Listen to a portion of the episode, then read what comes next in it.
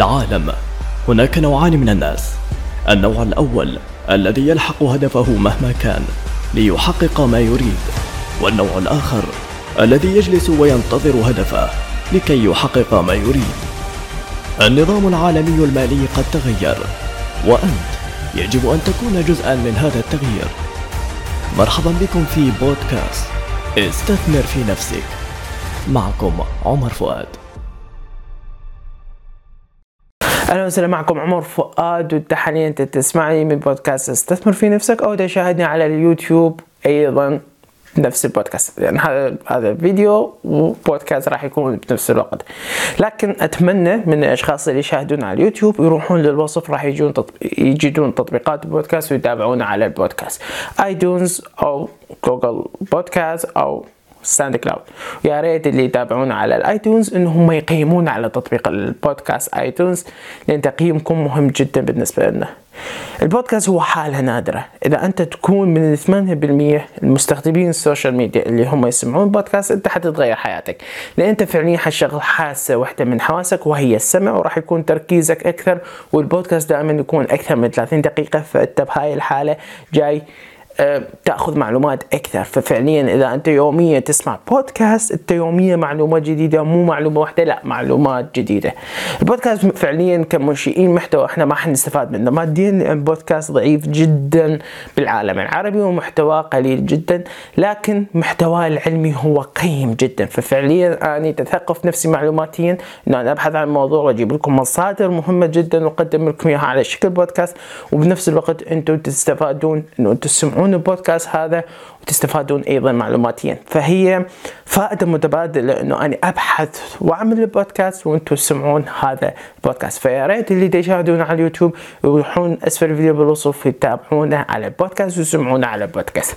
طيب حاليا البودكاست ليش أنا سميته؟ استثمر في نفسك هو استغل هاي الفرصة بتكلم اتكلم بشكل بسيط جدا ومختصر عن الدورة اللي أنا نزلتها مدفوعة وعن التعليقات اللي هي أنا كانت متوقعة اللي وجدت على الدورة. طيب اسم البودكاست استثمر في نفسك. ليش؟ لأن أهم خطوة تخطيها بحياتك هي الاستثمار في النفس. أهم خطوة بحياتك أنه أنت تستثمر في نفسك. راح تختصر عليك الوقت راح تزيد عندك المعرفة. طيب خلينا نتكلم عن الدورة. ليش أنا عملتها مدفوعة؟ لأن بصراحة هاي الدورة أنا أشتغل عليها مدة أكثر من أربعة أشهر. هاي الدورة هي مسجلة قانونيا بألمانيا يعني عليها ضرائب والمصدر اللي أنا رافع عليه الدورة ودا أشتغل به هو مصدر مدفوع. ففعليا أني هاي الدورة من بحث وعمل طولت عندي أربعة أشهر. طيب شنو فكرة الاستثمار في النفس؟ قبل قبل ما يكون عندي فكرة أو أستغل فكرة الاستثمار في النفس كنت أفكر مثل أي شخص عادي إنه أني بدل ما أروح أعطي فلوس عشان إنه أنا أتعلم لا أروح إنه أنا أبحث عن المعلومه اللي أريدها على اليوتيوب أو جوجل وراح أجدها مع الأسف هذا التفكير أخذ مني وقت كثير وأهم شيء بالحياة هو الوقت.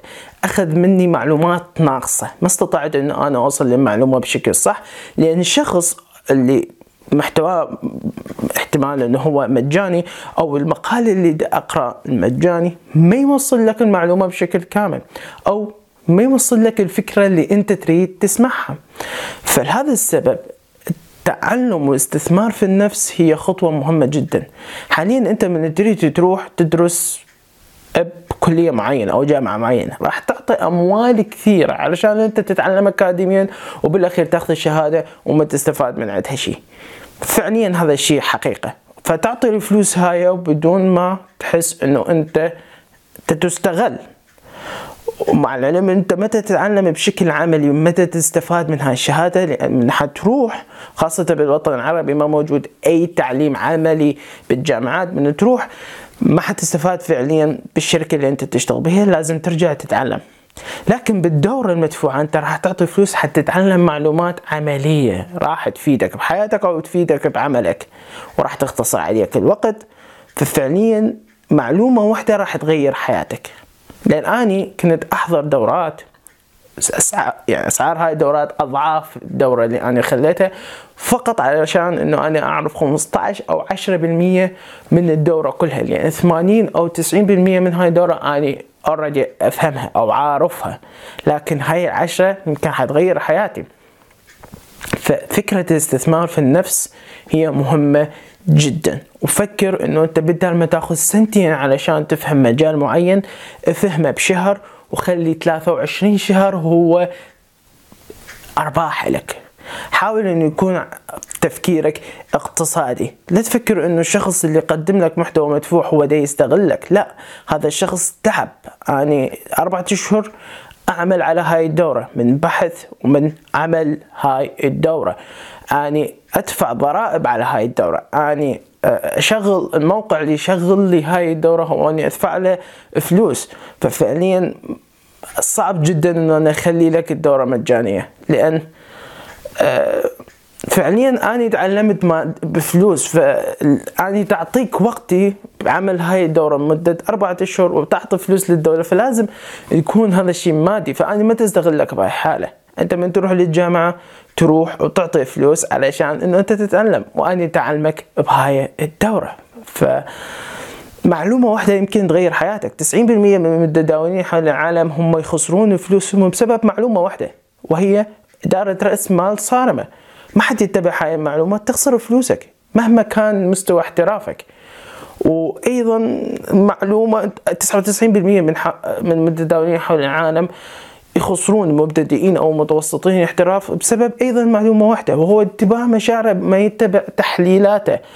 آه هاي المعلومات من أنت تفهمها بشكل معين راح تغير حياتك إلى شخص ناجح فعليا. فحبيت أوصل هاي المعلومات على الدورة. أتمنى الناس إنه هي تفهمني إنه أني بهاي الدورة تقدم لك معلومات قيمة ما جاي أستغلك. أتمنى أن توصل المعلومة هاي للناس. فرابط هاي الدورة اللي يحب إنه هو يدخل هاي الدورة رابط راح تجده أسفل الفيديو بالوصف خاص بقناة اليوتيوب وأيضا بالوصف خاص بالبودكاست. وملاحظة بسيطة قبل ما أدخل بالموضوع اليوم اللي هو شيق جدا آه إنه الدورة هدفها هي مو تعليم التداول. الدورة هدفها هي مو احترافي. إنه أنت تدخل مستوى احتراف. لأن انت إذا ما عندك أساس ما راح توصل للاحتراف مهما كان. ما تستطيع ان توصل للدرجة السابعة بدون ما تخطي من الواحد للستة. الدورة هي أساسية. تتحدث عن مجال ال cryptocurrency بشكل كامل من ناحية تقنية إنه أنت تفهم البلوك تشين وأجيال البلوك تشين آخره.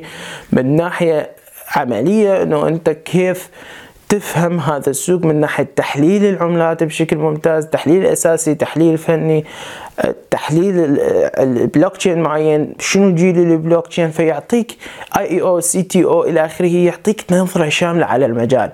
فالنظرة الشاملة هاي راح تخليك تتخذ قرار صحيح بالعملة الاستثمارية اللي أنت حتستثمر بها أو بال التداول اللي انت تريد تشتغل به ففعليا انت إذا ما عندك تحليل أساسي وما عندك فهم بالعملة اللي انت تتداول عليها ما راح يفيدك التحليل الفني. السوق هو مو تحليل فني. التحليل الفني هو نقاط دخول وخروج. التحليل الاساسي هو فهم هاي العملة. البلوك تشين هو تقني. يجب انه أنت تفهم التقنية اللي تعتمد هاي عليها هاي العملة علشان يكون دخولك لهاي العملة هو دخول صحيح. ففعليا أنا مركز على هاي الدورة أنه أنت تفهم المجال. إذا كنت الشخص تستثمر في العملات الرقمية أو إذا كنت الشخص متداول. بعد ما تكمل هاي الدورة أنت راح تدخل اوريدي للاحتراف. تستطيع أن تطور مهاراتك بالمؤشرات والتفاصيل الأخرى الخاصة آه، بالعملات الرقمية. طيب حاليا أخذنا كثير من الوقت تكلمنا عن الدورة وتكلمنا أيضا عن البودكاست. حاليا خلينا نتكلم عن الموضوع اللي إحنا نريد نتكلم به فعليا وهو الكساد العظيم. أزمة الكساد العظيم اللي حدثت سنة 1924 بالضبط 24 أكتوبر وسمي بالخميس الأسود بسبب الأزمة الاقتصادية اللي دمرت العالم. خلال هذا الخميس انباع تقريبا 2 مليون ونص سهم بنفس خلال أقل من ساعتين. بيوم الثلاثاء الأسود اللي هو بعد آه تم عرض 13 مليون سهم للبيع. ومن تم عرض هاي 13 مليون سهم ما لقوا لها شاري فنزل قيمة هذا السهم المراتب قوية جدا. هذا شيء بسيط اللي صار ببورصة نيويورك بسنة 1924 وهي سنة الكساد العظيم. لكن ليش حدث هذا الكساد؟ أو من أين أتى هذا الكساد؟ حدث الكساد أو فكرة الكساد ب 1919 بعد خروج الولايات الأمريكية المتحدة من الحرب العالمية الأولى. بعد ما خرجت الولايات الأمريكية المتحدة من الحرب العالمية الأولى أصبحت الناس هي حرة بسبب أنه خرجت من من حرب تريد أنه هي تعيش حياتها بشكل آه، مرفه. وبذاك الوقت كانت الثورة الصناعية هي خارجة فترة بسيطة. لهذا السبب كانت موجودة كثير من الأجهزة اللي أنت تسهل عليك الحياة من ناحية الغسالات أو الراديو أو التلفزيون كثير تفاصيل اللي هي تسهل حياتك. فبذاك الوقت الناس هم خارجين من أزمة كبيرة وهي حرب العالمية الأولى. فراحوا استقرضوا أموال من البنوك وخلوا هاي الأموال بالأجهزة اللي هي التلفزيون أو آه، الراديو أو الأجهزة اللي هي ذاك الوقت كانت هي أجهزة مرفهة يعني ترفه لك الحياة تسهل عليك الحياة. مثل ما حاليا عندنا الإنترنت أو ثينكس وباقي التفاصيل. وأيضا بعض الأشخاص أخذوا هذا المال اللي استقرضوه وخلوه بالبورصة استثمروه في البورصة. وبذاك الوقت البنوك كانت سخية جدا انه هي تعطي الأموال وتقرض الناس.